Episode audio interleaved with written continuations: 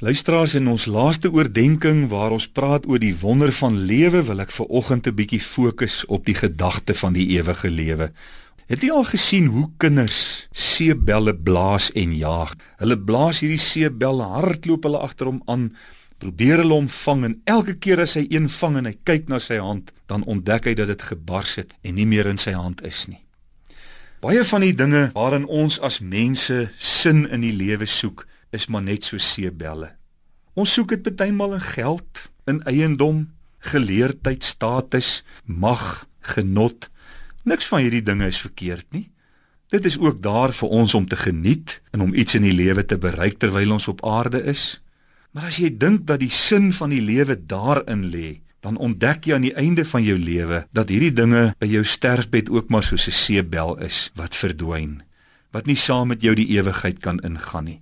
As ek sterf, dan is al wat saak maak of ek die ewige lewe by God gekry het. Die apostel Johannes vertel vir ons in die inleiding van 1 Johannes hoe 'n mens waarlik kan lewe. Hoe 'n mens waarlik die sin in hierdie lewe kan vind.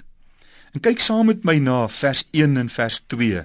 In vers 1 van 1 Johannes skryf hy wat van die begin af was, wat ons gehoor het, wat ons met ons oë gesien het wat ons aanskou het in ons hande getas het aangaande die woord van die lewe.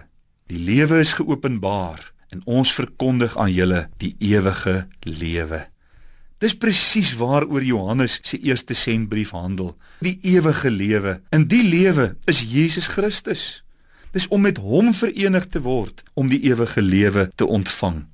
Christus en die lewe wat hy gee, hou ewig stand. Hy is nie soos 'n seebel wat nie gevang kan word en wat nie standhou of so spookasem. Jy sit hom in jou mond en voor jy jou oë knip is dit weg. Christus bring sin in 'n mens se lewe. Hy is die ewige lewe. In 1 Johannes 5 vers 13 stel hy dit om onwonde. Wie die seun het, het die lewe. Wie die seun van God nie het nie, het ook nie die lewe nie. Dis baie eenvoudig. Of jy het die ewige lewe of jy het dit nie.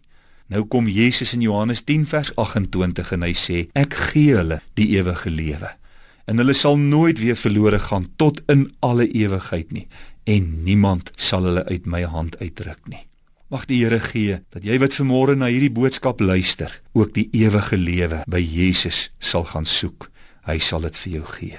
Hemelse Vader, baie baie dankie dat ons Here Jesus die ewige lewe is en ook dit vir mense wil gee. Ons aanbid U daarvoor. Amen.